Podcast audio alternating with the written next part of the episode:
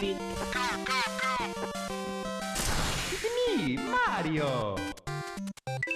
Control alt delete.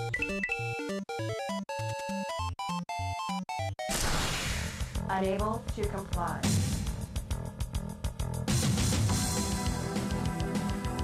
Unit under attack. Auto shutdown. Sequence in progress. Ready to serve, my lord. Der var vi, vet du. Nerdene er på plass i studio. I dag har vi konkurranse, vi har anmeldelse, og vi skal snakke om filmspill. Men før alt det der så skal vi kose oss med Pupkulis enn Rebekka med Easy.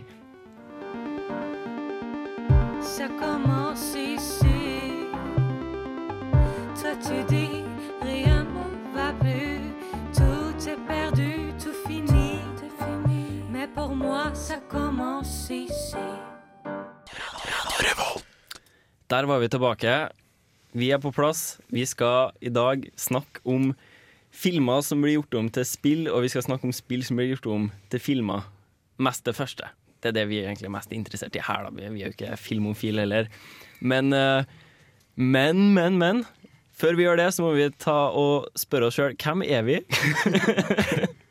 og hvem er du? Tor. Ja, det er jeg da Tor. ja, hva har du gjort i det siste? Nei, jeg har vært opptatt, i hvert fall siden mandagskveld klokka ni, da Lord of the Rings Online Rise of Isengard gikk online. Vi skal jo på hyttetur på fredag, så jeg må nå være makslevel før det. Så jeg hadde litt travelt. Du må være makslevel før det fordi Nei, uka etter så begynner oppkjøring til raid og diverse sånne ting. Ja, klart det. For du er litt hardcore. Litt. Ja, ikke sant. Jens Erik, eh, du joiner oss her i dag, og det Ja. var jo et lite stikk til deg sendt i sted. Jeg skjønte det. Jeg, jeg holdt nesten på å bryte inn og si ja, vi er nesten litt filmofil, da, ettersom jeg er her. Men eh, jeg følte jeg kunne bringe litt av min eh, filmekspertise til, eh, til spilleprogrammet. Mm, mm. Har du spilt noe artig siste uka? Ja, jeg har jo det. Eh, Etter å ha blitt eh, ferdig med eh, Castlevania Lords of Shadow, så gikk jeg litt gjennom min pile of shame, og der fant jeg ut at ja, Mass Effect det slutta jeg å spille etter sånn ti timer. Ah. Og så var det på tide å prøve å spille litt Mass Effect igjen. Mass Effect 1. Har du spilt Mass Mass Effect Effect 2? Nei, det har jeg ikke. Jeg føler at jeg, at jeg kanskje bør spille gjennom Mass Effect 1 før jeg spiller Mass Effect 2. Helt klart. Så nå er jeg sånn ca. 20 timer inn i Mass Effect, og jeg, jeg nyter det bedre nå enn første gangen, etter å ha liksom etablert noen litt sånn grunnleggende regler. Da. Etter, liksom, jeg kun autoleveler uh, partyfolka mine. Jeg fokuserer kun på å utvikle Shepherd sånn som jeg selv vil. Og så lar jeg AI-en gjøre litt sånn som den selv vil, for den er jo umåtelig tjukk i hodet. Ja. Og Mikkel, Halla. du er her du òg. Jeg er med i dag òg. Ja. Blir ikke kvitt meg. Du koser deg. Jeg gjør det. Har det fint. Ja. Har du spilt noe morsomt? Jeg har spilt masse League of Legends i det siste. Savna Erik der, da. Jeg tror ikke han har spilt på en stund. Men jeg har eksperimentert med noen ganske tanky, deilige builds til eh, en del av de litt mer tanky karakterene. Hatt det moro. Tanky karakterer. Ja. Du er en tank. Egentlig ikke, det er derfor jeg gjør det. Jeg visste ikke at man eh, kjørte sånn opplegg i League of Legends. Jeg tenkte det var litt mer free for all. Eh. nei, nei, altså De som spiller free for all, er de som instalokker sånne squishy folk som gjør dritmye skade late game, og så går det til helvete. Men Lol, LOL is serious business. det er serious business. altså Bygger du opp et skikkelig lag med altså, dekker alle rollene, liksom dekker alle plan, så er du kickass. Så man kan si at LOL is not for the lols. Ohoho, det er det også. Ja, Den var fæl. Unnskyld. Erik, God dag. du, har du det bra? Tja, har det, har det ganske bra. Ja. Skal jeg klage? Hva har du gjort i det siste? Jeg har uh, spilt. Um, jeg har også eh, reparert TV-en til mormora mi. Hei, mormor, jeg vet at du hører på. uh, jeg, jeg har spilt uh, Civilization, og jeg har spilt um, litt annet ymse som jeg ikke kommer på akkurat nå, men Civilization ganske mye. Og jeg har også akkurat fått til å laste ned Darksiders, så jeg skal bryne meg på det. Um, utover det så har jeg blitt litt fan, eh, fan fancy, skulle jeg til å si.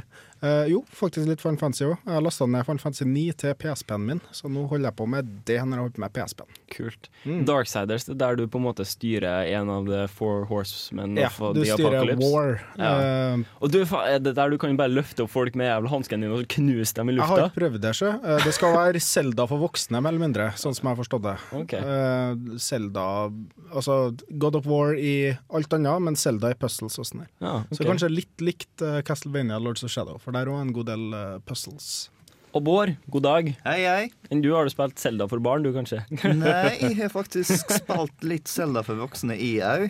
For eh, det er Team Ico Collection med Ico og Shadow of the Colossus. Ah, jeg har release i dag, så jeg har sittet og spilt i det noe, i noen dager nå. Viser seg til en fordel å jobbe på spillbutikk, skjønner du. Oh. Yeah.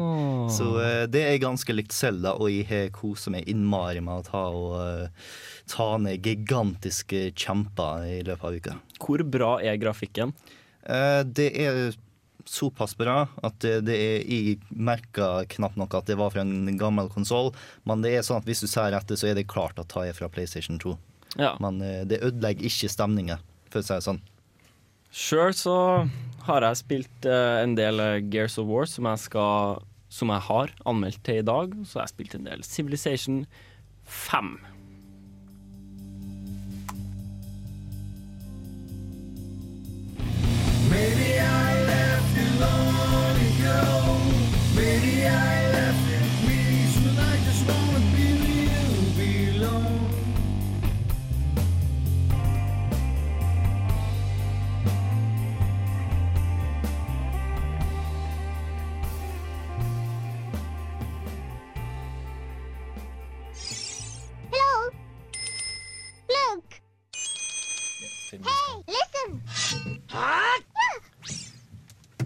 Det var Navi og Link, men eh, før det så hørte vi Sungrazer av Bare vent litt, skal jeg finne Mikkel, ut? Nei, jeg finner ikke ut. Wild, Wild, Wild Goose er det eh, låta heter. Det er Sungrazer er bandet, og det er en dritfet låt fra Ja. et band som kommer fra Nederland. Det hjelper å ha en fra musikkredaksjonen i studio yep. når man ikke husker hva låten heter. Ja, det er bra. OK.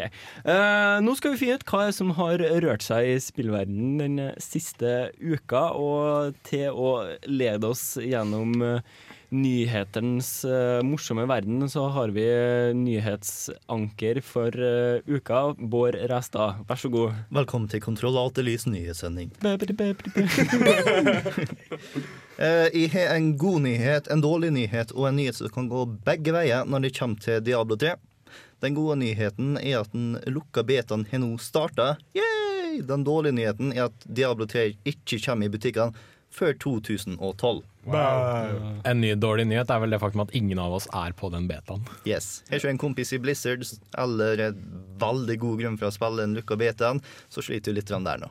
Men eh, det åpner seg opp etter hvert, håper jeg på. Hvis noen sitter på mange beta-keys, så kan de alltid sende en til oss. Det har vært Nei, det er radiorevolt.no. Yes. Vi lover vi skal prøve den. Eh, Den som kan gå begge veier, er at Blizzard tar og tenker seriøst på muligheten på å ta og putte Diablo 3 på konsollen. Ja, vi snakka jo litt om det her i sted. Vi, øh, jeg tenker, ja, det kan virkelig gå begge veiene.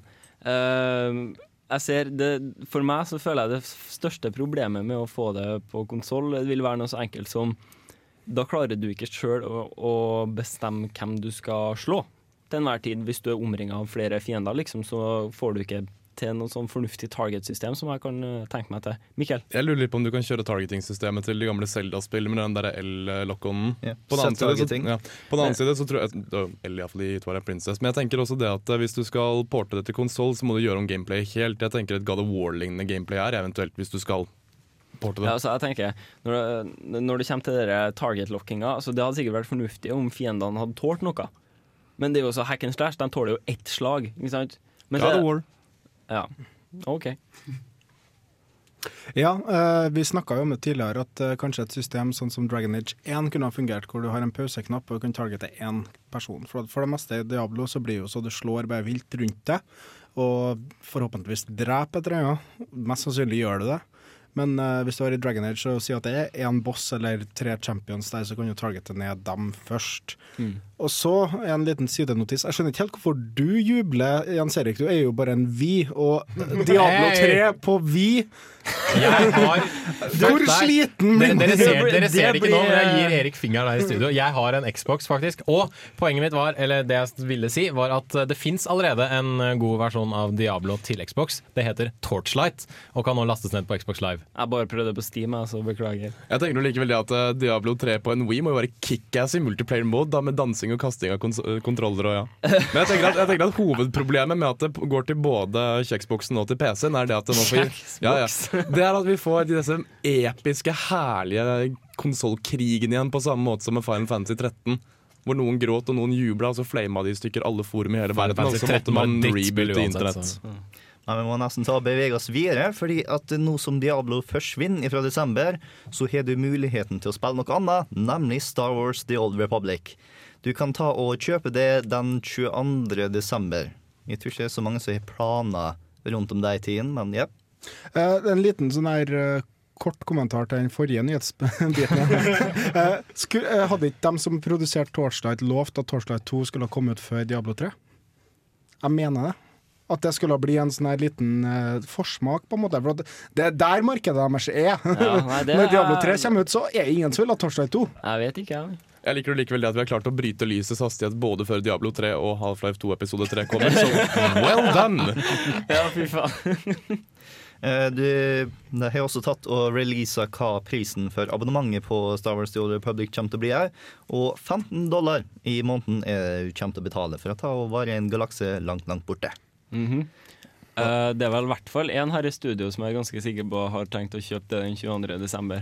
Eh, det er en gang her i studio som har kjøpt det allerede. Ja, ja, men du Først, første dagen preorderen var ute, faktisk. Å ja, du var faktisk redd for at noen kom til å preordere før det? Nei, men eh, det, det er jo sånn eh, pre, eh, pre-release-spilling. Og jo tidligere du kjøpte og registrerte den koden, jo tidligere slipper du inn der. Å ja, ja, for det var dem som ville ha et sånt system at de bare slapp inn så og så mange folk i gangen, fordi at, for at serverne ikke skulle bli Drept. Ja, jeg tror det er et eller annet sånt, så de slipper inn pre-release-folk i den rekkefølgen de kjøpte spillet.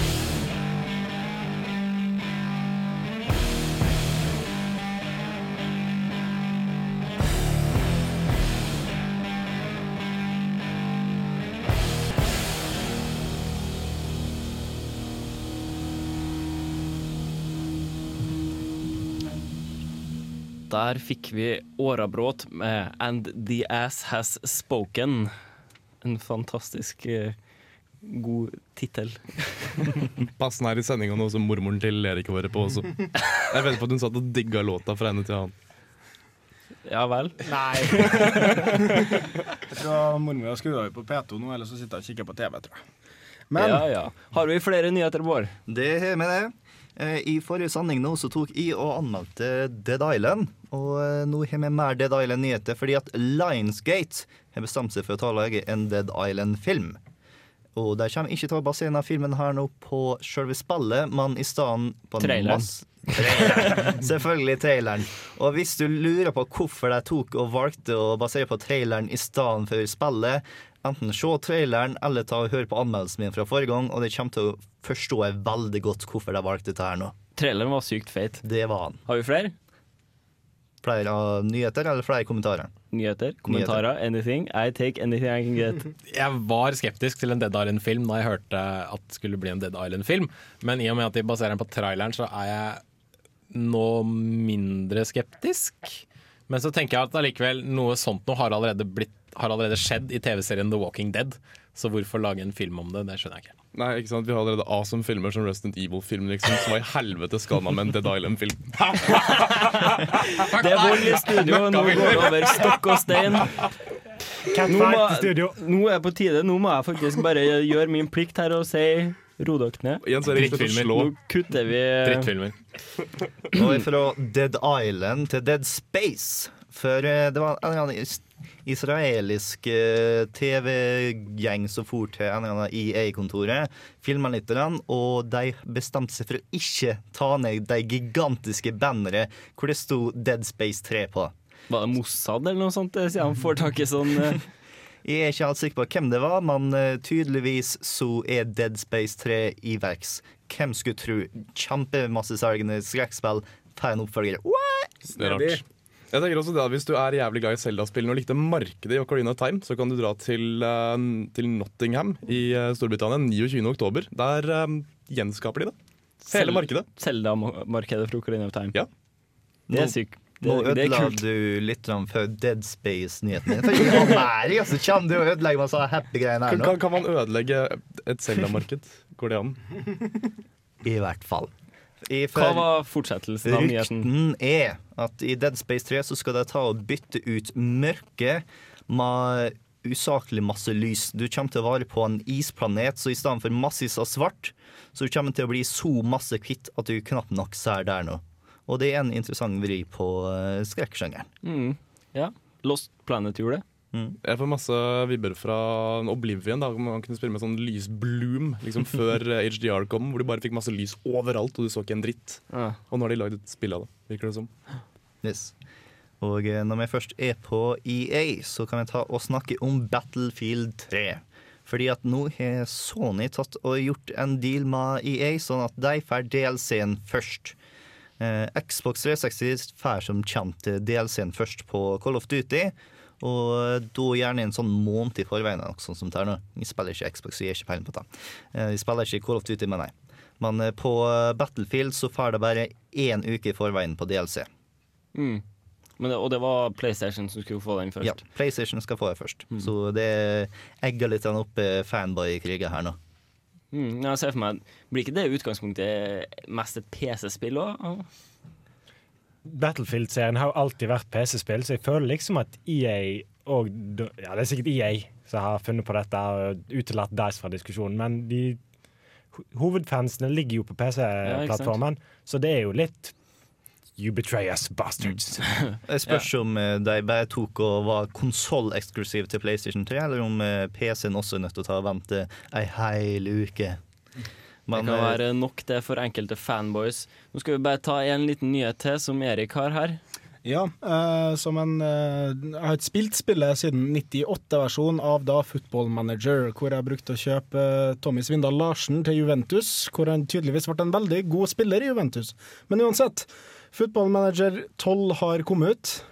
Og det som er ramaskriket over hele landet og alle andre fotball- eh, fotballkretser, er at eh, du må ha Steam for å spille spillet ordentlig på nett. Eller ikke på nett, på PC. Eh, og det som Jeg tror at de dem som har spilt Fotballmanager 12, og dem som kjøper seg Fotballmanager 12, de vet ikke om Steam. Og jeg tror at de skjøt seg litt i leggen, for at all delelse og sånt er mye mer tilgjengelig gjennom Steam. Men i hvert fall, det er mange som er veldig forbanna pga. dette. Jeg tror kanskje egentlig så er det piratene som er forbanna, for eh, Steam er jo en veldig god piratbeskyttelse. Ja. Uh, og det har jo vært et problem på de tidligere FM-spillene som der du har hatt uh, to eh, ting du kunne gjøre. Du kunne enten ta så eh? Du kan enten registrere på Steam, eller så kunne du sende inn en kode til et sted, eller noe sånt, og så fikk du unlocka det. Eh, Såkalte CD-keys. ja, men det var ikke CD heller. Det var et eller annet sånn eh, Rialla-system i hvert fall, som, det, som pirat Det gikk an å på en måte pirate seg gjennom. Arr. Arr. Men eh, ja, for øvrig, i 98 så het det Championship Manager, og Tommy Syndal Larsen er vel kanskje den norske spilleren som har flest kamper på U21-landslaget. Det kan godt stemme. Så han var sikkert en fantastisk god spiller. Men nå skal vi høre Splash Girl med Ravine.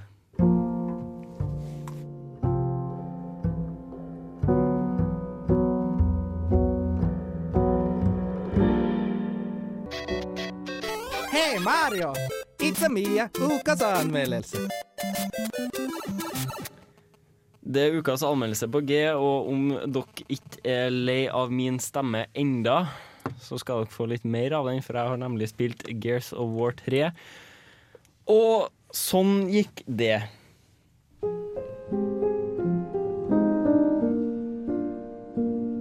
I 2006 starta et eventyr. En mørk historie akkompagnert av en tredjepersons skyteopplevelse på konsoll, bedre og grusommere enn noe vi hadde sett tidligere. Epic Games sitt Gears of War var et av spillene som definitivt fikk folk til å begynne å kjøpe Xbox 360. Og det var ikke uten grunn. Den taktiske, coverbaserte spillmekanikken, sammen med fantastisk grafikk og lyd, samt en god historie og interessante karakterer, gjorde at spillet fikk flere Game of the Year-priser. Jeg var derfor mildt sagt gira når jeg satte meg ned med Gears War 3, det siste og definitive kapittelet i serien. So. Historien finner sted ca. 18 måneder etter slutten på Gears 2. The Coalition of Ordered Governments, hele verdens samlingsregjering, har blitt oppløst, og mindre grupper av overlevende fra krigen mot The Locust er blitt spredd rundt omkring. We can't pretend we're a government any longer. The Locust, som er hovedfienden i spillserien, har også blitt kraftig redusert, hovedsakelig pga. at de har blitt overtatt og mutert av en parasittisk organisme som gjør dem om til soldater til den andre motstanderfraksjonen, The Lambent. I spillet så styrer du Marcus Phoenix, en ubermacho mannemann som med hjelp av resten av Delta Squad skal forsøke å redde seg sjøl, og om de er heldige, redde hele menneskeheten mens de holder på. I'll get the popcorn. Delta Squad består av fire faste medlemmer pluss en tre-fire andre som hjelper til i enkelte oppdrag. Det at gruppa alltid består av minst fire mann, gjør at man kan spille hele kampanjen med opptil tre andre over Xbox Live. Delta Squad er en god ansamling av overdimensjonerte stereotyper og todimensjonale machomenn. Cold train 10, baby! Let me see. Chloe's nothing. Men det funker faktisk. Jeg vet ikke om det er meninga, men alt testosteronet i gruppa, og det faktum at det er, alt er så harry, klisjéfullt og overdrevent, gjør at du bare sier OK, greit, jeg kjøper det. Historien er dessuten faktisk ganske fengende, og utrolig nok, enkelte av scenene i spillet gir noen av karakterene en ekstra dimensjon som gjør at du faktisk grenser til å bry deg om dem.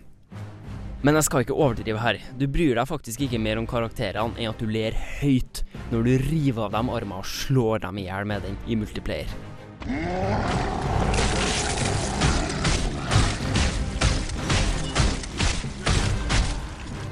Og her kommer to av seriens beste element. Den ekstremt gode multiplayeren og de grusomme og detaljerte måtene du kan drepe fiendene dine på. Begge delene gjorde serien kjent, og begge delene har bare blitt bedre og bedre for hvert spill. Multiplayeren består av tre hoveddeler. Vanlig spiller mot spiller, som består av flere varianter, og Horde Mode, som blir introdusert i Gears War 2, der du samarbeider mot bølger av Locust og Lambent-fiender. Og sist, men ikke minst, den nyintroduserte Beast Mode, der du styrer forskjellige Locust-enheter som du skal bruke til å ta livet av en liten gruppe menneskesoldater. Rett og slett omvendt Horde Mode.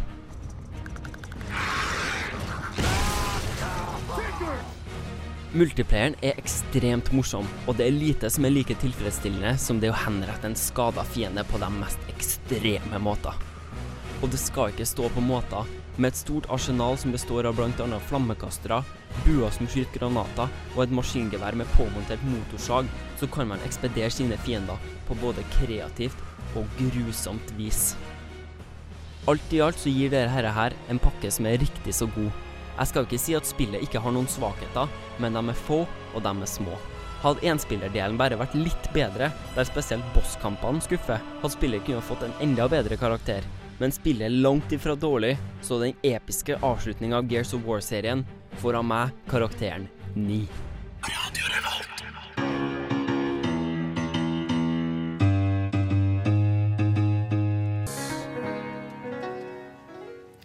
Der fikk vi Colors of Thirst. Det var featuring Strong Arm Steady. Det Jeg klarte det. Første forsøk. Det Høres ut som Megaman-boss.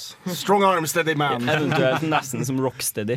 Ja, ja, og beepop. Ja, ja, bare Rocksteady. Eh, og før det så fikk vi eh, min anmeldelse av Gears of War 3. Spill eh, absolutt uh, alle skytefans bør prøve, syns jeg. Er noen her som har prøvd uh, enten treeren eller noe annet Gears of War-spill? Jeg har spilt masse eneren, for det var det eneste som kom til PC. Mm, ja, og det var Jeg spilte det på PC, og jeg spilte Jeg har det også på Xbox, men jeg spilte på PC først, og PC-versjonen er jo faktisk bedre. Ja, PC-versjonen er jo faktisk dritfet. Du treffer og du sikter, og det ser bedre ut. Og hva mer kan man be om, liksom? Ja, altså en, en annen ting er at jeg faktisk har med en sånn hidden level. Uh, eller ikke, den er jo ikke skjult, da, uh, men det er bare en sånn ekstra level i forhold til Xbox-versjonen, der du uh, får drepe en sånn Brumak. Og Cliffy B, Cliff Blesinski, han sa jo at i Gears War 3 så lova han at du skulle være med en ordentlig Brumak-slåsskamp, for det hadde jo ikke de stakkarene som bare har spilt serien på Xbox, fått lov til å gjort ennå. Og jeg kan bare si at nei, den var langt ifra like bra som den i eneren. Jeg har litt inntrykk av det at uh, Cliff Bezinski, eller Cliffy B, som han visstnok nå går som, han er liksom som uh, hva skal jeg si, nåtidens John Romero, bortsett at han ikke fucker til ting. Ja, det kan Før eller, før eller siden så kommer det en svær sånn reklameplakat hvor det står at Cliffy B is about to make you his bitch. og, så går det, og så går det seks år før det kommer et eller annet sånt drittspill som de bare må slenge ut på markedet for å få det gjort. Daikatana 2. Ja. Ja, nei, han eh, Han liker å snakke med store bokstaver. Og, og eksempel, du kan jo bare se de siste årene sine E3-presentasjoner av Epic og sånn. Det, ja, det, det er litt kleint noen gang. Men på den annen side, han er en sånn Peter Molyneux som faktisk holder det han lover. Altså Peter Molyneux-spill blir jo bare kjedeligere og kjedeligere, mens også Gears of War blir jo bare mer og mer og mer badass. Ja, ikke sant? Det, det, det han sier, da, det liksom Ja, i, i det første spillet så fant du ut Oh, chainsaw! People like the chainsaw!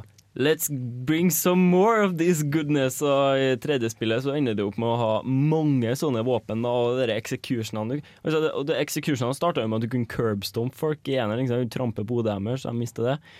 I treeren så kan du gjøre eh, ganske masse drøyt, ting som ikke egner seg å si på radio. Spar det til andre timen. Ja, rett og slett. Men det jeg la merke til, eh, hva var Coalition of Ordered Governments. Ja. altså KOG, da. KOG. Ikke sant? Gears, COG. Ja, men altså, eh, er ikke det masse dun, sånne referanser i selve spillet? Altså til Til maskineri, mer eller mindre. For at eh, er, hver unit kalles en gear, ikke sant? Ja, ja. Og så har du det COG som er Ja. COG-tagget, da, altså, som er et dog-tag, det er jo eh, Det er jo et tannhjul. Okay, ja. Og, og, det, og, og dere Hva heter det? uh, Bad omen, eller omen-tegnet deres, dere hodeskallen inni et tannhjul, ikke sant? Det er jo merket til The Cog. Ja, ja, okay. Ja. Så Jeg har aldri spilt serien, jeg bare syns det og var så kan man- morsomt. Og så kan man jo også si det er jo et krigsmaskineri. Ja. Så Det er riktig. Men uh, er det bare jeg og Mikkel som har spilt det spillet, eller? Tydeligvis. Jeg, for å være helt ærlig så kunne jeg ikke brydd meg mindre om Gears-serien. jeg anmeldte jo Space Marine sist, og der har du jo chain swords og mas maskingevær, men de er liksom ikke satt sammen. Eh, Jeg klarer ikke forestille meg at det er så stor, for stor forskjell, men du går i cover i de spillene her. Ja, det er jo Ja. Det er jo faktisk mye av grunnen til at det er så bra. Det på, for at den Uh, multiplayeren spesielt, da, den blir så taktisk, Ja. men samtidig så fast-paced. Så det fungerer med cover i multiplayeren òg? Ja, veldig bra. Du må bruke det, hvis ikke dør du. ja. Altså, det var strengt tatt et av de få problemene jeg hadde med første Gears of War, var det at uh, du kunne godt gjemme deg bak noe, men man kunne akkurat se hodet ditt nok til at du fikk det blåst av hvis du sto stille. Så Gears of War for meg var mer Altså Coveret var ikke å gjemme seg bak, det var å hoppe fram og tilbake imellom. da Ja, altså og det med å blåse av hodene og blåse av lemmer og sånt, det er jo virkelig Gears of War-style. Og motorsagen. Åh, herlig. Jeg har aldri, aldri dødd så mye et spill noensinne bare fordi at jeg hadde lyst til å bruke et våpen. Man kan snakke om signature weapons i forskjellige serier, men det føler jeg, den lanceren, altså, det, Det er nye Master Sword. ah, det er gull. Nå skal vi høre Sunswitch med Sunswitch 3.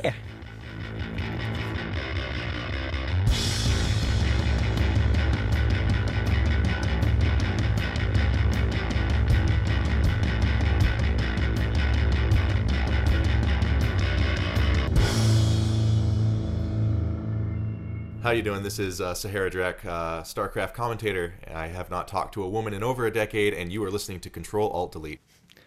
Sahara Drak, stakkars fyr. Det Ti år uten kundfolk. Ja, ja, men altså, han, eh, det er jo helt legitimt, da. Han er Starcraft 2-commentator. Det er a life for kings.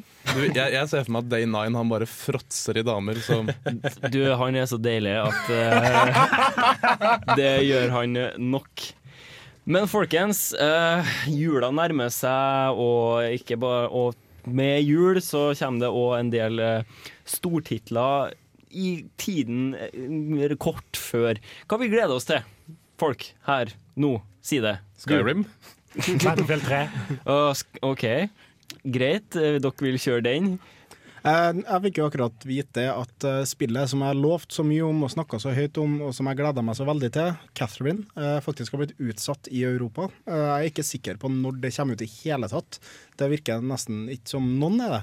Men det du, kjære lytter, kan glede deg til, er at jeg har faktisk fått tak i en japansk, eller en internasjonal kopi fra USA, som jeg kan bruke på min PlayStation, sånn at jeg kommer til å anmelde det innen kort tid nå. Så da blir det veldig awkward japansk sending. Nok, ikke ei sending, da, men eh, en anmeldelse av meg om eh, spillet Catherine. Det, Det er bra. gleder jeg meg til. Det er bra. Jeg må si sjøl så gleder jeg meg til Fifa 12. Ja, eh, Det kommer vel denne uka, gjør det ikke det? Ja, det gjør det, ja. Eh, og bare for å tease litt, da, så må vi jo si det at neste time så kommer vi til å kjøre en Fifa 12-konkurranse, hvor du kan stikke av med Fifa 12 til neste uke. Det bør dere følge med på. Sykt bra spill. Ja, fra Fifa til noe som faktisk er litt interessant. Som uh, stor film- og tegneserienerd så gleder jeg meg som en unge til Batman Arkham City. For uh, Batman Arkham Asylum var en av mine Game of the Year i Det var vel ikke i fjor, det var året før, tror jeg. Ja, det var 2009. Og dette lover egentlig bare bedre og bedre jo mer jeg ser av spillet. Og større environments, mer gadgets, mer, mer Batman, mer skurker, mer alt. Eh, nå er jo ikke å legge under en eh, stol ja. Skuv. Skuv. Eh, at eh, jeg liker RTS-er og strategispill. Og eh, det kommer nå Game of Thrones-spillet. Jeg har lest alle bøkene. Jeg holder på med Dance with Dragons nå, som er den siste. Så jeg gleder meg virkelig til å se hva de kommer til å gjøre med den tittelen. Eh, det utviklerselskapet som utvikler det, er også kjent for å være ganske sånn strategisk og diplomatisk i sine spill, så vidt jeg husker. Og um, også inni et spill, Heroes 5. Mm. Seks. Seks. Seks, ja. Åh, Og, og eh, det heter jo ikke Heroes of Might and Magic, nei. Nei. Nå heter det Hva, hva det het det? Might det, Might- Ja, nei, ja. Mighty, Mighty and Magical Heroes. Ja, det er noe sånt. Det, Fem. Åh, dust. uh, jeg, jeg må si at jeg gleder meg veldig til Dark Souls, Mm. som kommer. Uh, jeg gleder meg på et spill som virkelig er vanskelig, eh, Mm. og ikke sånn Megaman-vanskelig, som er bare sånn Oh, no spikes. Trial and error. Men eh, Ja, for øvrig, det kommer vel kanskje neste uke. Det var snakk om det. Du skal ikke se bort ifra at vi faktisk får en helt ukjent stemme, eller i hvert fall for oss i Kontrolltillit, til å ta den anmeldelsen. Å, gjør vi det? Det blir spennende. Er ikke noen som gleder seg til Modern Warfare 3, da? Du, jeg kommer til å spille. Eller jeg kommer til å spille, for at jeg har spilt igjen de to første. Og jeg tenker, det, jeg må jo se hvordan det ender. Altså, uansett. Og det blir jo bra, på en måte. Det blir jo bra. Kan jeg komme med en forut, eh, ikke en forutsetning, men en prediction, som det heter på engelsk? Eh, det kommer til å bli en stor krig, og så vinner USA. Ja, det tror jeg òg. Det kommer til å bli en stor skripta krig som er så over the top cheesy at det rett og slett blir teit. En Michael Bay-film. Uh, ja. min, min prediction er at EA kommer til å ta seg av publiseringa, og så kommer det ett nytt spill i året. Som er litt reskinna, men litt bedre grafikk. Nye spillere, og det er det. Det er vel det det har gjort de siste fem årene òg, så nok, ja. My Nå- point exactly. Ja, men nok om det. Nå skal vi høre Andrew Jackson Jihad Skate Park. Skate park is only 15 minutes songs away, and there's nothing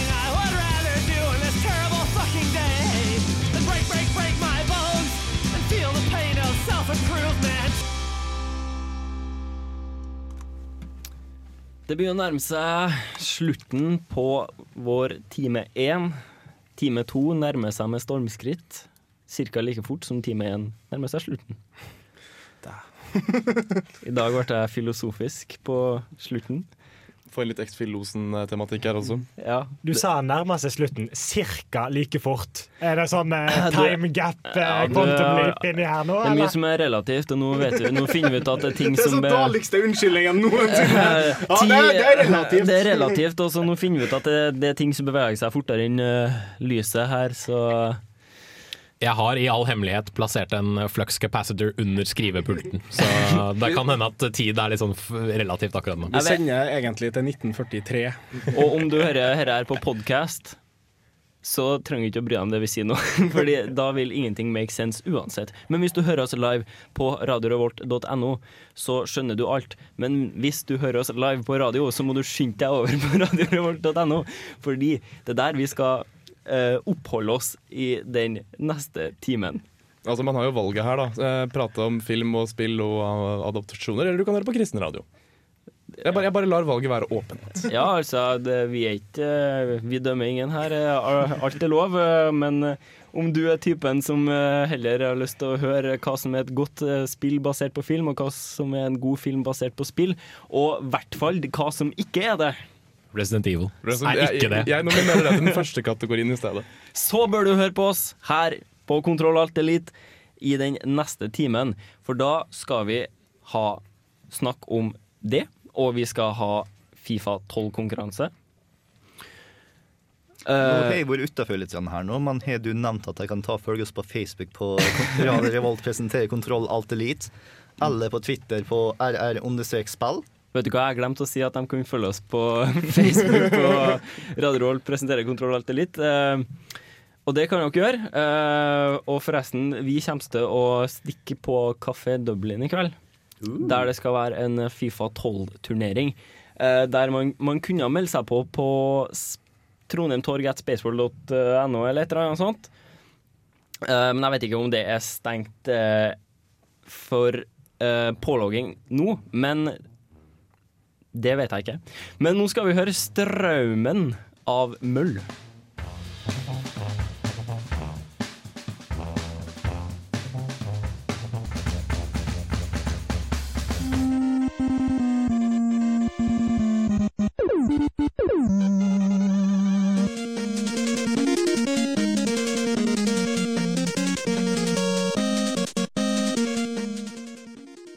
Nå er vi tilbake. Time to. Vi har akkurat funnet ut her i Kontroll Alt Elite at eh, den eneste rettferdige måten å bestemme om Resident Evil-filmen er en bra eller dårlig film. Det, det er å gjøre det. Gjøre det på den måten uh, som vil være passende for en sending der man har anmeldt Gears of War 3. Man gjør det på den mest mannlige måten som uh, vi vet av. Med en god gammeldags håndbakkonkurranse mellom våre kjære medarbeidere Mikkel og Jens Erik. Får jeg en sånn introtale hvor jeg disser Jens Erik litt, og så får jeg Britt håndbak? Nei, jeg har med meg kamera, så dette kommer vi til å ta bilde av og legge ut på Facebook-gruppa vår, som er Radio Rolt presenterer Kontroll Uten de ekstra r-ene, forresten. Ja, jeg vet ikke, men du finner sikkert hvis du søker på det òg. Jeg har egentlig bare én ting å si tilbake til Mikkel, og det er There can be only one! Men hvem det er, det får vi se. Det blir meg. OK, hva er Du det får du se mener? på det. Nå må I vi ta motsetning til deg live så følger commentary ikke- her. I motsetning til deg så følger ikke jeg Rotten Tomatoes blindt. Det gjør ikke jeg heller. Nei, jeg merker det. Du sa det ikke i stad heller. Ja, men eh, jeg bare sier det. Hvis vi skal ha objektive, objektive kriterier, så er det jo Rotten Tomatoes. Fordi det er en samling med filmkritikere som, Som Jeg sier ikke at Rotten. Tomatoes er en god måte Jeg- jeg- å bedømme om film er god på eller ikke. Det er veldig mye vi- filmer som jeg syns er kule, som Rotten Tomatoes bare har dømt nedenom og hjem. yapping, more handbacking. Ja, skal, skal, vi bli? Eh, skal vi gjøre det nå, liksom? Ja, ja, ja. Bring it, bitch. OK, ja, de gjør seg klar her. Knekker your bets on Mandy i sine knokler. Ok, vent, vent, vent, vent. Erik er dommer. Erik gjør alt klart. Det er intenst og svett. Klar, ferdig, gå! Ja, det er stalemate så langt. Mikkel prøver, men Jens Erik prøver å ta tilbake. Og Jens Erik har et Ja, skikkelig sånn Mikkel tar det. Det er nok rykk her. Her er live action, folkens. Å, Jens Erik Mikkel går har- over! Nei, Mikkel Jens Erik går tilbake. Å, kom igjen nå, kom igjen. albuen fra bordet! Mikkel Å, de jukser begge to, så det Det er sterk juksing her i studio. Ah. Men det er ikke han bak, det er mann bak. Så da er det lov til å jukse. All is love. Nei, all is allowed in war and games. Å, Mikkel går nedover. Å, Jens Mikkel Berg er den heldige vinner, og vi har en gang for alle stabilisert det at Resident Evil-filmene faktisk er ganske bra. Veldig viktig å presisere. Åh, nå ble det svett inn her. Det setter stemningen for ei sending om film og spill, syns du ikke det? Eh, ja, jeg vet ikke. Da må vi nesten begynne å snakke om Street Fighter the Movie. The Game. Det er en Fantastisk film. Eh, Det som er synd, som vi har nevnt før, er jo det at uh, han som spilte Bison i den filmen, eller Vega som han heter i Japan, han døde rett etter den filmen. Uh, I spillet så brukte de sånn real time characters, sånn som de bruker i Mortal Kombat, eller i de første Mortal Kombat-spillene. Sånn at de brukte faktisk karakterer som er mennesker, og tok bilder av dem flere flere ganger, og laga det til rett og slett karakterene som var.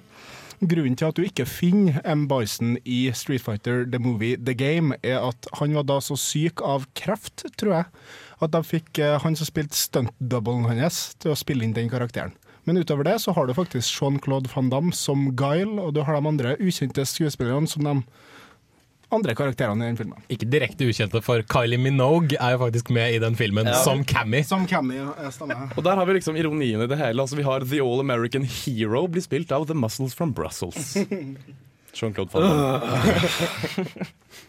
Hvis jeg får lov til å komme med litt uh, trivia. Grunnen til at han godeste Roll Julia tok rollen som M. Bison, var for at uh, han lot ungene velge manuset til filmene han skulle spille i. Og de var fans av Street Fighter, så de sa jo med en gang 'gjør den der'. De sa så- 'of course'! Ja, of course. Go home and be a family man! Og det er da en av tingene Guile sier når han banker i Street Fighter 2. Ja, Men fra men noen ting, det, det er jo litt interessant med det spillet. Ikke, ikke at det er det vi skal snakke om, men det, der er det litt sånn Litt småteite, oversatte japanske fornærmelser. Ja, det er det. Uh, Go home and be a family man er jo én av dem. Uh, det er også uh, You must My- defeat Sheng Long before you can uh, Defeat Me, ja. Yeah. Og Shenglong finnes ikke i noen av spillene. Han ble noe Goken senere, men det var jo egentlig læremesteren til Ryu og Ken. dere.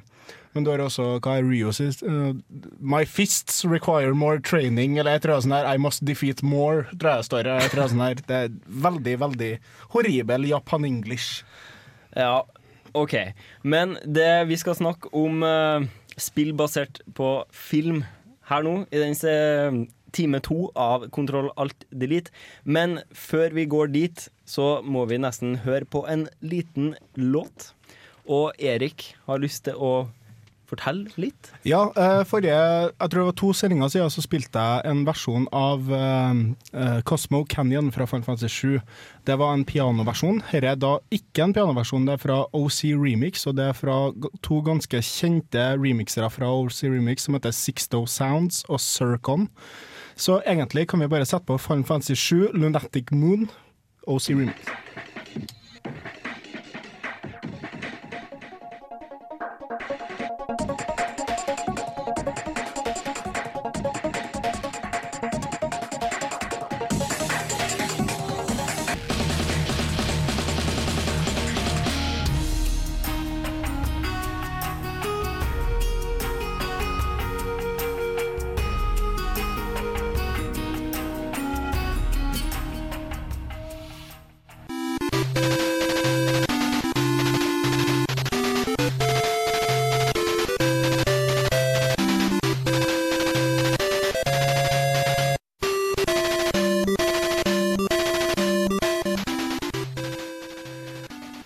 Blir så glad av å høre det, det 8-bits Indiana Jones-teamet her at uh, jeg glemte nesten hva jeg skulle si.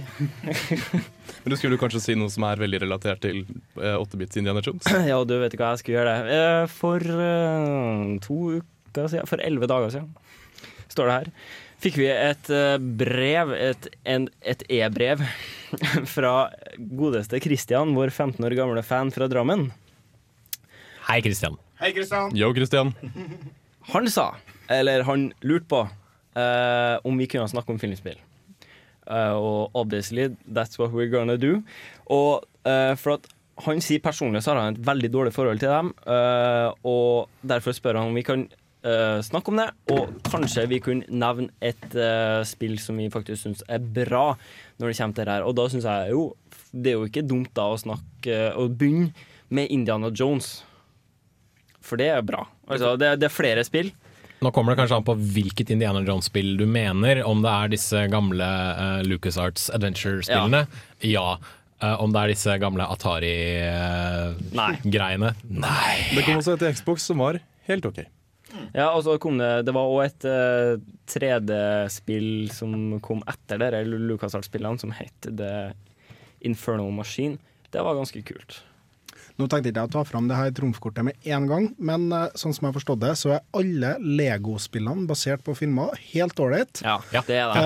Helt Lego. Batman, kjempekult. Mm, Og Lego Star Wars ser at ungene på skolen spiller Lego Indiana Jones skulle også være ganske bra. Eh, Det er en sånn der, altså, det er jo Lego, men det er basert på filmene i og for seg. Altså, Lego Star Wars er faktisk ikke bare eh, bra, syns jeg. De er veldig bra. Ja, de, de får liksom historien fram på en fantastisk fin måte, egentlig. Og så gjør de ting bare generelt bra. Ja, altså jeg føler Da kommer vi litt til essensen av det som jeg kanskje føler er et stort problem med uh, spill basert på filmer. Uh, det er ganske greit for et Star Wars-spill, uh, da f.eks. Lego Star Wars, å gjøre det greit. Uh, hvis du tar utgangspunkt i Lego Star Wars her, da, for det, det følger jo eh, historien til de forskjellige filmene ganske slavisk, og dytter inn en del eh, ekstra slåsskamper og sånn. Og litt slapstick-humor og litt uh, Ja, ja, ja, ja. Tilfeldige, obskure karakterer. Som Helt det klart. er, Det jeg liker veldig godt med Star Wars-legospillene, er at de, de prøver ikke å bare si 'hei, dette har dere sett før', se her er rommet som var med i filmen. Det, det kombinerer liksom De prøver å fortelle historien på en veldig sånn enkel måte. Den tvinger ikke noe på deg, for den antar at 'dette har du sett før'. Dette er ikke noe alternativ til filmen. For det andre så er det veldig gimmicky. Du har Lego, du bygger Lego-figurer der, altså. Mm. Gimmick og en veldig sånn enkel historiefortelling pluss masse moro er liksom Oppskrifta på et bra spill. Ikke sant? Ja, Det altså- kompenserer for den der jævla 'hei, dette er en film, men du får lov til å styre'. Og dessuten så syns jeg det er et viktig poeng å ta med at eh, du har seks filmer til sammen. Eh, hvert av de Lego-spillene er vel tre filmer. Så det, det blir da to spill av tre filmer. Det er ganske mye mer materiale enn det de fleste spill basert på filmer egentlig har å basere seg på. For de fleste, føler jeg i hvert fall, spill basert på filmer skal hovedsakelig være for en en og en halv timers lang blockbuster fra Hollywood. Egentlig ikke. Det de har, er utgangspunktet til den filmen, fordi at de det spillet lages på ett år. Og hvis du begynner ett år før filmen er ute, så er ikke den filmen i nærheten av ferdig engang. Så eh, massevis av historier blir dikta opp underveis fordi at filmen tar og endrer historier. Fordi at settet har ikke blitt bygd ennå. Fordi at massevis av ting som blir viktige i filmen, vet ikke de som skal lage spillet ennå. Ja, det er helt klart. Og dessuten så legger de jo som oftest til eh, Bare for å få til fyll og få på en måte spille langt nok, eh, så legger de jo bare til en hel del meningsløse sidequests som ikke har noe med historien å gjøre. Og så er det jo det at de som regel begynner på de spillene når de vet når filmen har release. Og da har du som regel kanskje et år. Og du klarer ikke å lage et bra spill på et år. Um, Erik, vil du? Nei. Ringenes herre-spillene som kom til eh, PlayStation 2, til Xbox og til GameCube. De der hvor du løper og så hacker du og så slasher du litt, og så spiller du som The Lord of the Rings, The Two Towers og Men Lord de of the var Rings, jo ja, of the King. ikke så verst, Og der har, du, der har du greia. For det første så hadde disse her mye mer tid på seg. Spillene er ikke direkte basert på filmene engang. Du får se liksom steder som har vært med i filmene. For det meste kjører du en litt alternativ rute, og så spiller du gjennom nøkkelsekvenser. Men en annen ting er at Ringenes herre-filmene ble jo filma parallelt, så settene som du sier Bård sier eksisterte allerede. Mye av dialogen eksisterte fra før av alt. De hadde kunnet ta utgangspunkt i så mye mer, for at de filma jo filmene Og så har de jo tre år på seg til å gjøre ferdig spillene. Og de trengte jo heller ikke gjette seg fram til historie. De trengte ikke gjette seg fram til liksom store action set pieces, for det hadde de jo selvfølgelig i bøkene. De Mm. måtte liksom bare vite hva som kom til å bli med i filmen, og hva som ikke var med. Eh, For å trekke litt tilbake til Indiana Jones. eh, Det spillet som jeg husker best fra den serien, er jo Fate of Atlantis, som egentlig ikke hadde noe med en film å gjøre, men som hadde med filmserien å gjøre. For det Star Wars og uh, Indiana Jones i hvert fall er veldig flink på, er det å lage historie som nødvendigvis ikke finnes i filmene, men å bruke den i spillsammenheng. For der har du masse deilig fluff, som det kalles, eh, som er liksom det som skjer utafor og mellom filmene, som du ikke får med i filmen, som de faktisk baserer spill på. Fate of Atlantis var et nydelig point and click adventure-spill, og anbefaler alle som har muligheten til å prøve det. Mm. Ja, det er jo tatt fordelen også med å ikke basere spillet direkte på en film, i og med at Fate of Atlantis ikke var noen film. Uh, hvis man kikker tilbake på f.eks. Ringenes herre, da, som følger den oppskriften til en viss grad. Uh, spillet er jo totalt lagd fordi filmen, liksom. Hvor du har, tre, du har fire karakterer du kan velge mellom. Alle karakterene gjør det samme. Og alle sammen ser helt likeens ut, som de gjør i filmen. Alle angrepene er det samme, absolutt alt er det samme. Lego Star Wars også, du kan spille som en million karakterer. De fleste av dem gjør det samme, liksom. Så du får en del sånn filmmateriale og fanservice osv. Fordelen med, da, for med The Fate of Atlantis er at det er et standalone-spill. Ja, altså- som har Indiana Jones i seg. Og Erik nevnte jo også Star Wars, og i Star Wars-franchisen er det jo kommet mange gode spill. Eh, du har jo Jedi Knight-serien, den er jo helt separat fra filmene. Eh, det var vel egentlig bare i Jedi Academy at du har noen referanser til det. Altså, som er helt eh, At du har noen karakterer, mente jeg, som er med, for der har du jo med Luke Skywalker. Men i de andre spillene så spiller du jo Kyle Katarn, og det foregår jo etter Star Wars-filmene. Så det blir veldig lite Altså, det blir satt for seg sjøl, og dermed får du bare uh, Ja, bare ta over du, Mikkel. Ja, jeg ser du har veldig lyst til å snakke. ja. Jeg vil bare si at Luke Skywalker dukker også opp i Jedi Outcast, hvor hvor han er med i sånn ca. ti minutter før Kyle bare stikker igjen. Ja, stemmer Og der har du det igjen. Altså, jeg tror bare for å vise deg at Hey, we got that guy Og så ferdig med det, liksom. Det prøver jo ikke så hardt å være Star Wars, egentlig. Du får ikke en lightsaber før etter tre timer, liksom.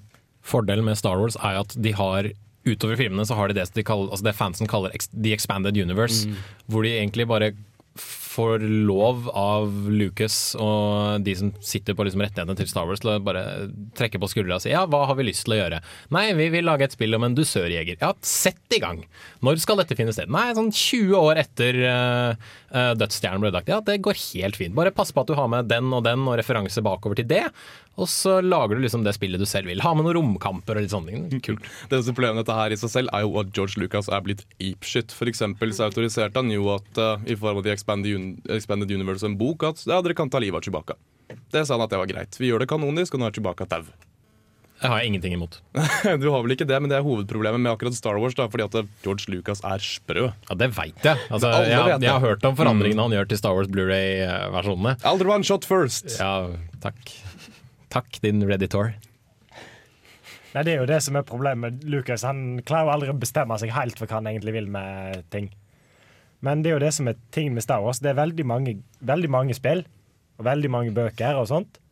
Og en del bra finner sted før filmene. Noe bra under, og en del bra etter. Men, av det, som finnes, men det er egentlig mest bra som distanserer seg fra filmene. Mm, for du har fortsatt veldig masse historier å gå på. ikke sant? Uh, Night of the Old Republic-serien baserer seg jo på uh, the, the Rise and Fall of the Sith. Ja, Mer sånn eller mindre. Et par tusen år. Dark Revan og alt det der. Ja. Nei, Darth, mener jeg. Unnskyld. uh, noob mistake. Uh, ja.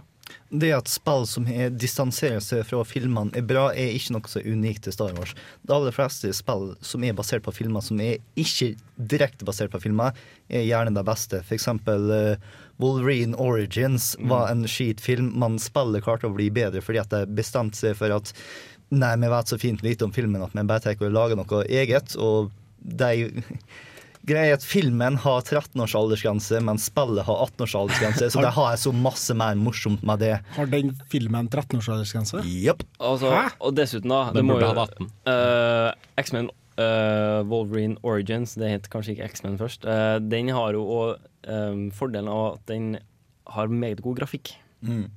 Eh, og godt gameplay, ikke sant. Så, og hvis du har god grafikk og, og godt gameplay, kanskje godt soundtrack i bakgrunnen, da kan du i enkelte spill på en måte si greit nok at historien er litt døv, og du mangler en del poenger, litt eh, En del eh, loopholes og forskjellig, men eh, men det var jo et veldig underholdende spill. Jeg husker når jeg spilte jeg likte det veldig godt. Et annet spill som er løsbasert på en serie, det er Terminator War for Cybertron. Og eh, det Transformers, tror jeg det Hva jeg sa Terminator. Ja, det har vært artig med Terminator i War for Det det er roboter, men det er feil type roboter. Yes. Terminator versus Optimus Prime. Go, go, make that shit happen. Yes. Men i hvert fall Transformers War for Cybertron var et veldig bra spill lagd av venner og utviklere utvikler jeg ikke husker navnet på. De har god tid, de har gode ideer, de har en god motor. Og så et år eller to senere så skulle jeg ta og lage spillet til filmen Transformers Dark of the Moon. Elendig tittel, egentlig, men I digress. Skitfilm. Yes. Og eh, da hadde jeg knapt nok et år på å lage det her nå. Til tross for at jeg har motoren ifra det forrige spillet, til tross for at det var samme folka som lagde et av de beste spillene av Transformers, så ble det her noe skit. Fordi at de har altfor lite tid, fordi at de har en haug filmprodusenter som sa nei, du har ikke lov til å gjøre det der nå, nei, du er nødt til å passe på at han der nå er med, osv., osv. Og Ja, jeg trodde vi ja. Oh, ja. Jeg trodde du hadde noe å si, men da tar vi heller og spiller en sang. Du har noe å si om den. Det har jeg. Dette kommer fra et, eh, et nettsted som heter 8bit Collective, som spiller veldig mye chiptunes og uh, chip-basert musikk. Han her heter Misfit Chris, og sangen heter Skullcat, og den er nå på topplista på, på eh, 8bit Collective for herre uka. Vi kan jo ta en lytt til den.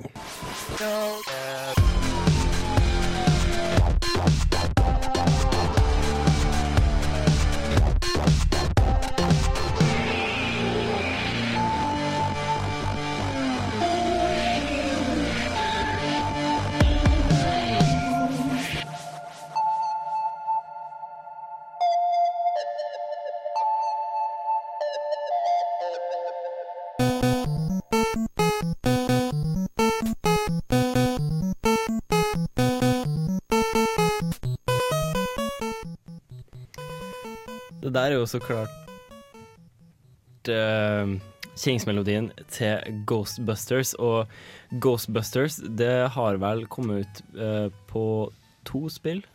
Eh, Jeg tror det faktisk er fire så langt. Oh, ja. Fordi det kom ut ett til uh, Nes uh, i sin tid, og så kom det ut ett til Super Nintendo i sin tid.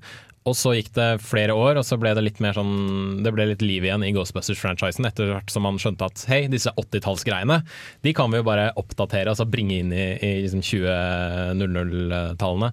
Og da kom uh, Ghostbusters The Video Game til uh, alle plattformer på jord. Alt fra Xboxen til Wii-en til PC-en til you name it.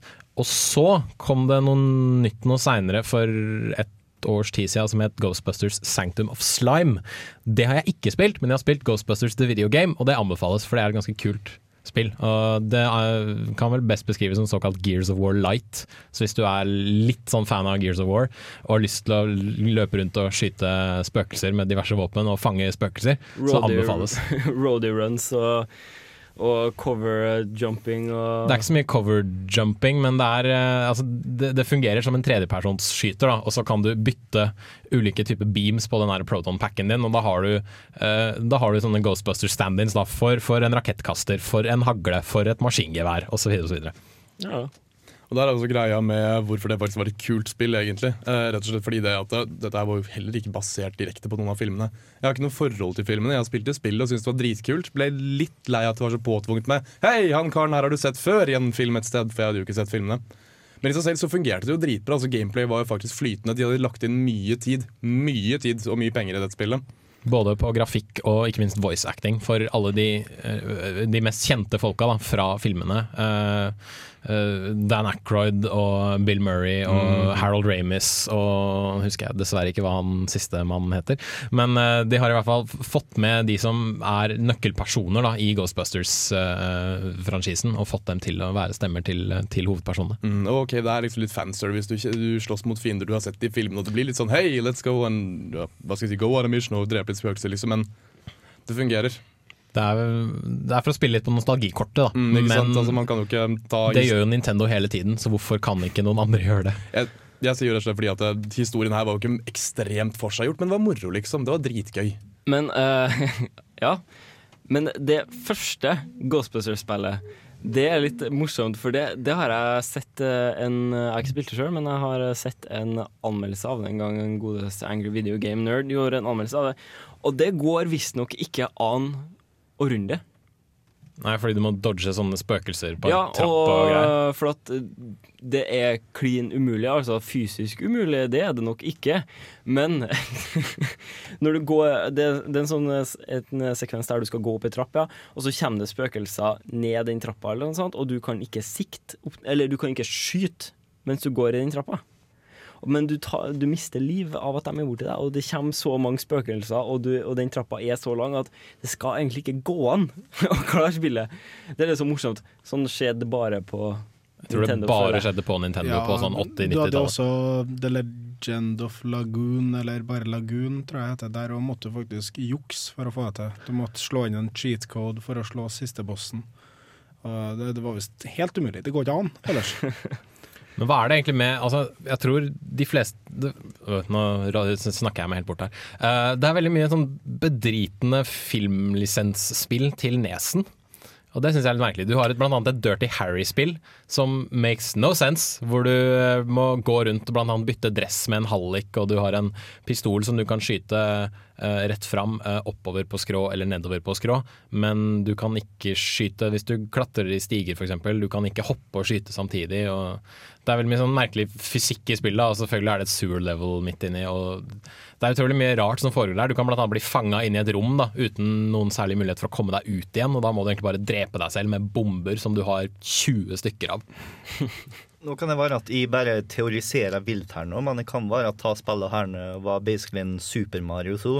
At jeg fant tak i et eller annet spillet som fungerte sånn halvveis, og så fant jeg ut hvis vi tar og klasjer på en av Clint Eastwood-filmen på dette nå, så tjener vi tre ganger så masse enn hvis vi kalte det for bang bang whatever. Jeg spilte jo et sånn Robocop-spill en gang som høres litt uh, likeens ut som det du si noe. Men Nesen hadde jo faktisk ikke bare dårlige spill eh, av, eh, som var basert på filmlisenser. Vi har jo for eksempel eh, Turtles. Turtles, ja, men det var jo hovedsakelig en tegneserie. Nå er vi skille her. Ja, OK, unnskyld. For da kan du også dra inn hele Marvel-franchiset og Batman-spillet. Det var to på Nintendo, tror jeg, og det ene var faktisk ganske ålreit.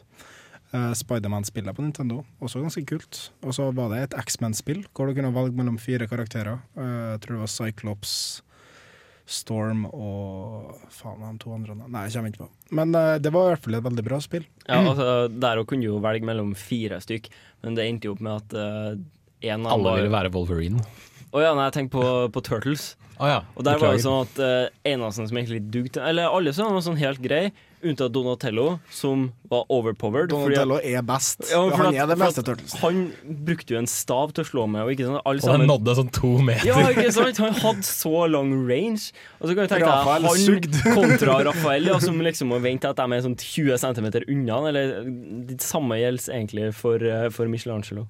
Men et annet spill som gjorde det veldig bra, som er basert Eller som i hvert fall er et bra spill, er Spawn på Super Nintendo. Det kom opp Det var faktisk eh, lisensiert, altså. Det skulle ha kommet samtidig som Spawn-filmen kom. den så stygg, den. Den var ræva. Vet du Nja det, Den eh, bana vei, eller i hvert fall den, eh, den eh, gjorde, gjorde den typen filmer populær igjen på 90-tallet. Og eh, det var ingen andre superheltfilmer som kom ut rundt på den tida. Og det var den som på en måte åpna den døra. Den åpna ikke døra, det var ikke en sånn kjempebra film, men det var en ganske interessant film i det at eh, altså Her har vi først, en av de første superheltene som har mørk hudfarge, som faktisk er på TV-en. Og det, eller er på det store lerretet, for å kalle det det. Den hadde også et veldig bra soundtrack. Men spillet var også veldig bra. Du spilte som Spawn, og du sprang over eh, Det var en eh, sidescrolling beat em up, liksom, men eh, det, som en fan av Spawn så likte jeg det spillet. Spawn fikk vel også en eh, 3D-versjon. Ja, Det finnes et. Xbox-spill Ja. av Ja, men det Spawn. finnes også et eh, PC-spill som Og Han finnes også i. Soul Calibur på Xbox, tror jeg. Mens Nintendo fikk uh, Link. Link. Og PlayStation fikk Darth Vader. Heihachi. Heihachi, ja. Ja, for at uh, det var i det neste Soul Calibur at det var Yoda og Darth Vader. Ja. det var Soul Calibur 4. I Soul Calibur 3 så var det ingen spesielle, tror jeg. Ah, ja, ok. Der var det bare den vanlige Lizard Man og slåss mot helt, ja, Jeg har bare spilt Soul Calibur 1. jeg. Men eh, når vi snakker eh, fortsetter på det med film og spill, da. Eh, det finnes jo mange å ta av på Nintendo nå. Eh, men eh, altså, vi må begrense oss. Snakker vi om film som er basert på tegneserier som har blitt spill, for at da er det et helt univers som åpner seg, på en måte. Eller snakker vi om TV-serier, for at da er også veldig mye som åpner seg. Chipmunks, for, eh, for eksempel. Chip and Dale, mener jeg. DuckTales. DuckTales, ja. Også f fantastiske spill. Darkwing altså- Duck. Det er vel hovedsakelig egentlig uh, spill basert på film eh, det spørs om her. Og jeg antar at egentlig så spør vel han om uh, De spillene som er dritt. litt av nyere dato, Ja. dato og, og han spør vel om hvem som er dritt, og hvem For som faktisk er bra. Lisensierte spill er ofte piss. Det er vel det hovedregelen er. Jeg prøvde den- det første Iron Man-spillet, og det var ikke noe særlig. Uh, Iron Man, et så utrolig godt utgangspunkt for et jævla artig spill, men de får ikke til i hele tatt. Jens Erik? Uh, jeg vil egentlig legge meg litt på den her og legge til en ny regel. Hvis det kommer fra Activision og basert på en film, så er det som regel bedritent. Bortsett fra hvis det har Spider-Man 2 på boksen. For da er det kjempebra. Og nei, storyen er ikke sånn fantastisk, og gameplay er kanskje ikke supert, men bare det å svinge gjennom New York og bare liksom leve som Spiderman, og bare komme deg fra eh, liksom ene enden av Manhattan til den andre på to minutter, gjennom en sånn utrolig spennende og morsom sånn swinging mechanics og web mechanics, det er en fantastisk deilig følelse. Og det spillet fins vel til X, PlayStation. Xbox, PlayStation 2 og Ja. GameCube, hvis jeg ikke tar helt feil. Og eh, når vi først er på Activision Spiderman, så har jeg lyst til å slenge inn en liten anekdote her nå. For i det første Spiderman så fikk ikke eh, utvikleren lov til å lage New York så detaljert som de har lyst til å gjøre det. Fordi at produsentene sa rett og slett nei, Spiderman er han som er helten her nå, det er han vi prøver å selge her nå, så han må ha så og så mange polygoner her nå. Og når han hele tida måtte bli rendra, så har de ikke mulighet til å gjøre byen skikkelig. Sånn er det når du har filmprodusenter som beveger seg utenfor mediumet sitt og har lyst til å ta og bestemme mer. Men jeg tenker, jeg tenker at eh, det, Spiderman blir også litt juks, fordi at eh, de Spiderman-spillene som var basert på filmene, eh, var igjen basert på to Spiderman-spill som kom ut til PlayStation. Og som var awesome, rett og slett. For de var jo, altså, de var jo sterkt tegneseriebasert med sin egen historie. Men gameplay fungerte også jævlig bra, så det ble jo porta til, spill, til filmene. Og derfor også fikk dette kule gameplayet. Med awesome fighter mechanics. Og rare komboer. Jeg klarer bare ikke å komme unna det vi sa i stad med Iron Man. For at jeg bare ser for meg Tenk om du hadde laga Iron Man som en uh, Hawks møter ja, ja, GTA. altså sandboxy med flymekanikk som faktisk ikke blir overpowered, på en måte, føler jeg blir den perfekte måten å lage et sånn veldig gadget-heavy spill som Iron Man kan være. For det går an! Se på Batman. Ikke sant? Ja. Batman, Ar Batman uh, Arkham Asylum er jo veldig bra. Sleng inn noen RPG-elementer nå og augmented drakter. Mm, mm, mm. Deus Ex in the sky. We love them RPG elements here in Control Alltid litt. Vi dedikerte tross alt hele forrige sending bare til RPG, så jeg, jeg, jeg anser omtrent alt som bare får et snev av RPG i seg, som en oppgradering av omtrent ethvert spill. Jeg ville ikke kanskje likt det i noe Monkey Island eller noen sånne ting, men uh... Tetris, now with the RPG elements. Vet du hva, det tror jeg finnes. Battle Tetris, så kan du gå opp i level og greier. Og må jo bare være bra. Herregud. Det må jo bare være awesome. Ja. Nei, men uh, jeg kan jo fortelle litt om den neste sangen vi skal høre. Du, det kan du gjøre. Uh, det er Fantomen K, en svensk Det var svensk, jeg trodde han var norsk først, men han var svensk. Eh, Chiptune-artist som har laga en sang som heter The Massacre. Eh, denne sangen kjenner du kanskje igjen hvis du har sett på Hey Ash, What You Playin', som er en På serie som går på Gametrailers og Destructoid. Og Hey Ash, What You hwap.com. Så vi kan egentlig bare høre på Fantomen K med The Massacre.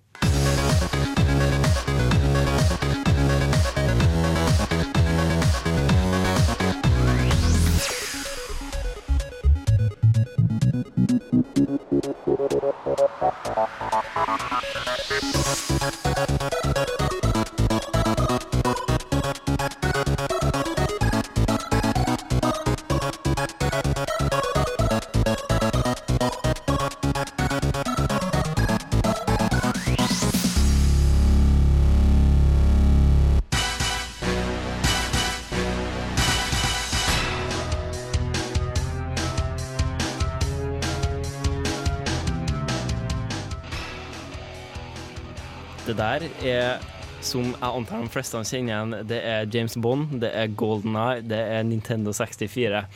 Og min påstand er at alle over mm, 20 bør ha spilt dette spillet her hvis de er interessert i spill. Lillesøstera mi er 19, og hun har også spilt det. Ja ja, hun er unntak. For hun er jente. Så alle, alle, alle som er født i 90 da, kanskje?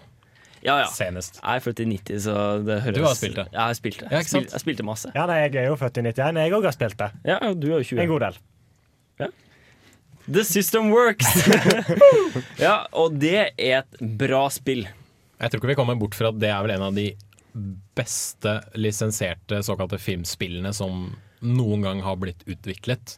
Men hvorfor er det bra? Jeg vil si det er at spillet er så laidback i forhold til filmen. Altså Den introduserer jo, altså Alt i spillet er jo basert på filmen, liksom, men det er veldig sånn Her har du demninga. Uh, du får lov til å spille deg gjennom hele den. Du så det ikke i filmen, men du får lov til det. For det. Her er facilityen. Her får du lov til å gjøre masse drit som du ikke så i filmen, men vi lar deg spille gjennom det. Og så var det veldig sånn Det er mer sånn Du følger litt av historien, men det er mer De bruker banene som et påskudd for filmen, og så får du gjøre hva du vil ellers. ellers var det spill. Jeg har vel egentlig alt for ma jeg, jeg skulle telle antall ord, og så glemte jeg det. Så ja. Uh, jo, én ting. Uh, Fireplayer, split screen, co-op, multiplayer. Kanskje ikke co-op, da, men multiplayer. Jeg er helt enig. Altså, fordi det var én ting som mangla på den tida. Når vi var unge, eh, vi møttes noen venner, ikke sant.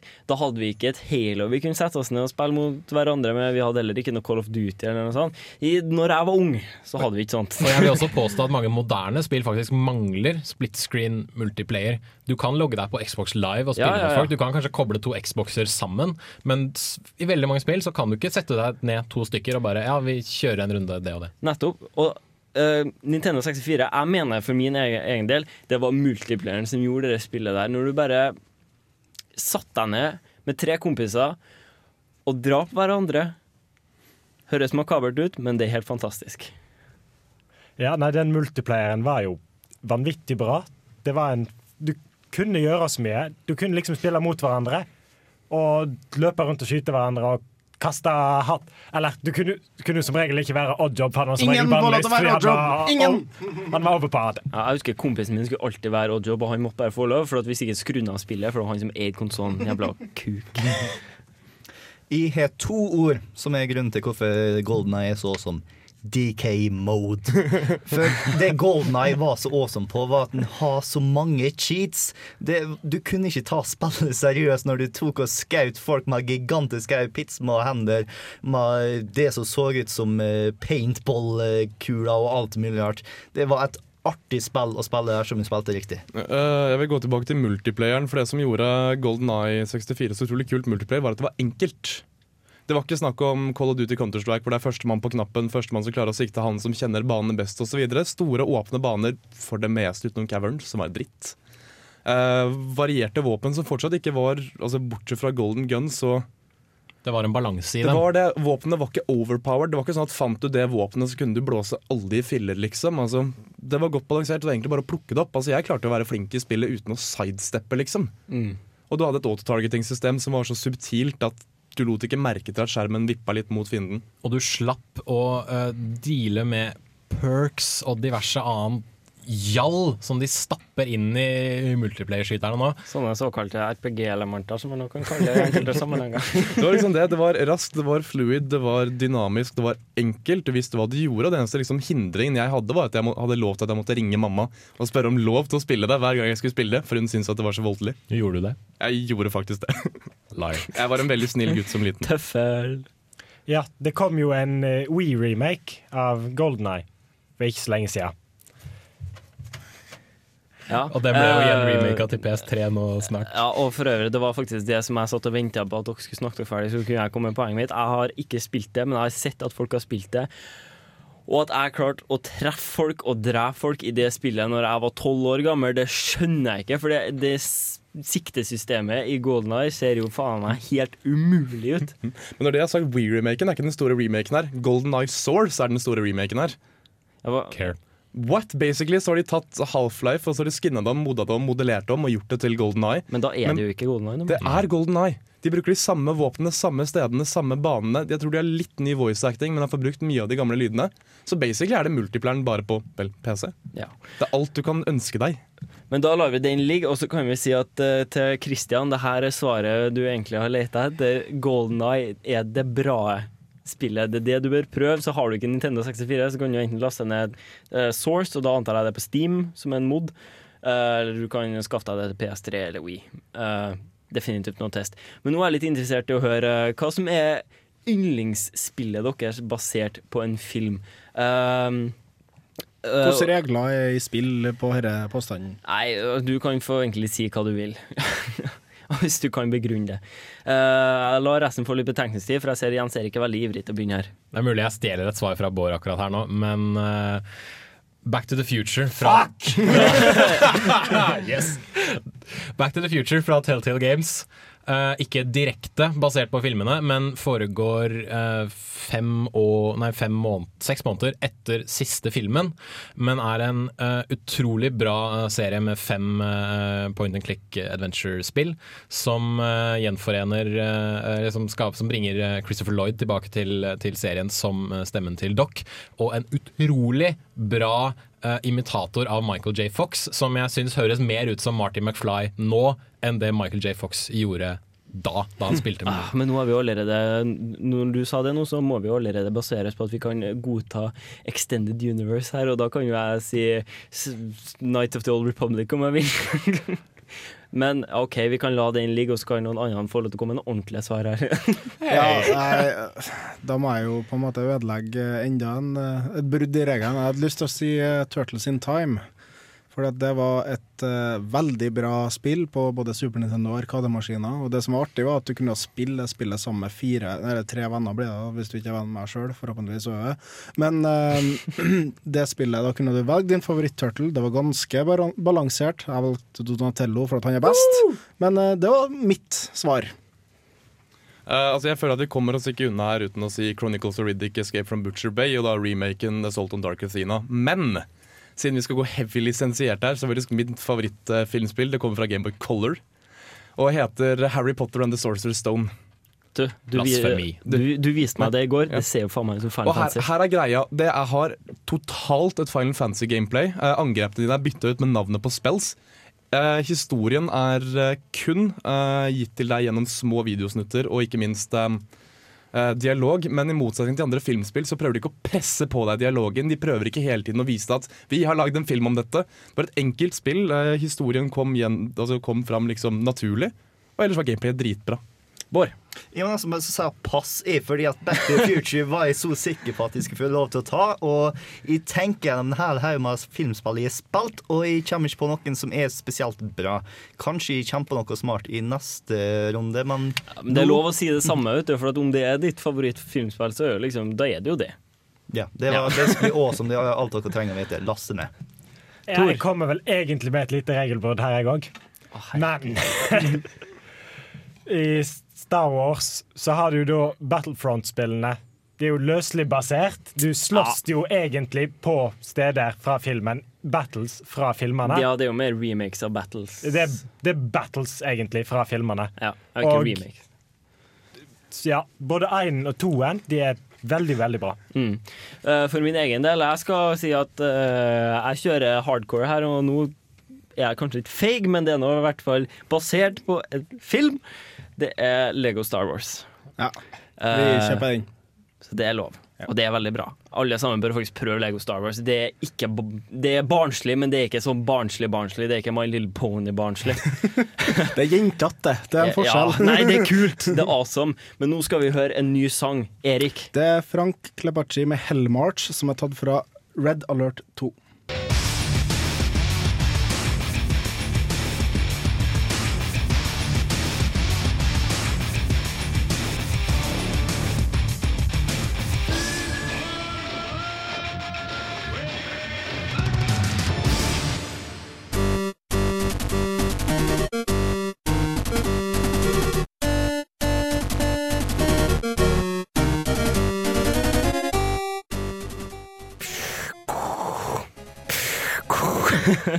Nei, det, jeg tuller. Det er bare meg. Nå ble det bra lurt! Mikkel, du, du kom på et annet veldig bra spill, og jeg var så enig med deg at jeg bare må la deg få si Toy det. Story 2 til PlayStation og PC var episk bra. Nok en gang i serien satt til steder du har sett i filmen, følger ikke historien og filmen så slavisk. Nei, og du har bossfight. Jeg vet ikke hva om var du har med det i filmen. awesome. Bård, du har en. For å gi et skikkelig originalt svar Aladdin. Ja, ja, ja, det er glemte Helvete. Awesome. Og 'Løvenes konge', for faen! Det var Ja, Disney-spill. Disney, ass. Faen for noen røvere. Kan vi Men da- nå har vi veldig kort igjen, og vi har en konkurranse. Erik, vår konkurranse for å vinne Fifa 12 er Eh, Du kan vinne Fifa 12 hvis du nevner hvilken spillkarakter du kunne tenkt deg å ha på ditt fotballag. Gjerne også da hvilken type plass han skulle ha stått på banen. Og ikke minst hvorfor. Ja, og hvorfor. Ville du f.eks. hatt Dalsim fra Street Fighter i mål, den lange yogamesteren som strekker seg etter hver en ball, eller ville du hatt eh, Si eh, Ken fra Street Fighter som tatsumakier ballen rett inn i mål forbi keeperen. Her er masse muligheter. Sonic som angrepsspiller. Det er en haug med muligheter. Så om du har et forslag, send det inn til nerd.radiorevolt.no og marker det med konkurranse. Så skal vi se på din og lese den opp neste si, sending. si gjerne hvilken konsoll du ønsker Ja. det til. Og adresse det. Ja. Du kan også vinne Hallgeirs hjerte hvis du vinner spill, og så gir du det til Hallgeir. Han har preordra, så ikke å synes synd på han. Ah, Men eh, Jeg jeg må også nevne det at eh, vi får spille fra Space World, og vi takker dem veldig mye. De skal også ha en event på Kafé Dublin i Trondheim i kveld, hvor de skal spille Fifa 12 og gi ut en haug med premier. Jeg tror det er litt for sent å melde seg på, men i hvert fall, vi kommer til å være der. I hvert fall meg og Hallgeir, jeg vet ikke om noen flere. Men eh, så stikk en tur innom og hils på oss. Vi eh, er veldig trivelige folk. Og jeg må bare legge én regel for uh, konkurransen her. Jeg er såpass på en måte glad i fotball og Fifa at jeg, jeg må bare si det her. Det er ikke lov å jukse. Er det ikke lov til å skyte? Nei, det er ikke lov med pistoler og sånt. Det er ikke lov å drepe motspillerne sine. Det er rødt kort. Ja, det er rødt kort. Hva da med power-ups? Eh, Det er lov, altså. Det, Kan, kan Mario liksom lov, bruke altså, en rød Gordon- sopp og bli kjempestor? Ja, og Gordon Freeman har lov til å bruke gravity gunnen sin til å skyte ballen. Men han har ikke lov til å skyte motspilleren. Gordon Freeman overalt. Ja. Portaler? ja. Du må ikke ødelegge for Men mye for de som skal eh, sende inn nå har jo alle sammen eh, på en måte Vi har sikkert stjålet poengene til alle sammen. De har jo tenkt 'Å nei, nå kan ikke jeg si det'. Jo, du kan si det, men bare hvis du sier oss hvorfor. Du kan bruke samme svarene som oss, bare kom med en bedre grunn. Ja, ikke sant? For eh, vi, vi sa Sonic i angrep. Kanskje du har lyst på Sonic i forsvar? Who knows? Uansett, vi begynner å nærme oss slutten her i Kontroll alt delete. Vi har igjen én sang vi skal spille, og så runder vi av for i dag. Erik, er det noe du har lyst til å si om den her? Uh, Jens Erik, gjør det bedre. Ja, eh, dette er uh, Darren Korb sin Spike in a Rail fra spillet Bastion, uh, laget av Supergiant Games. Det er nå ute til Xbox Live. Det var en del av Summer of Arcade. Fantastisk kult retrospill som jeg anbefaler at alle prøver. You should play Bastion. Yeah, play Bastion.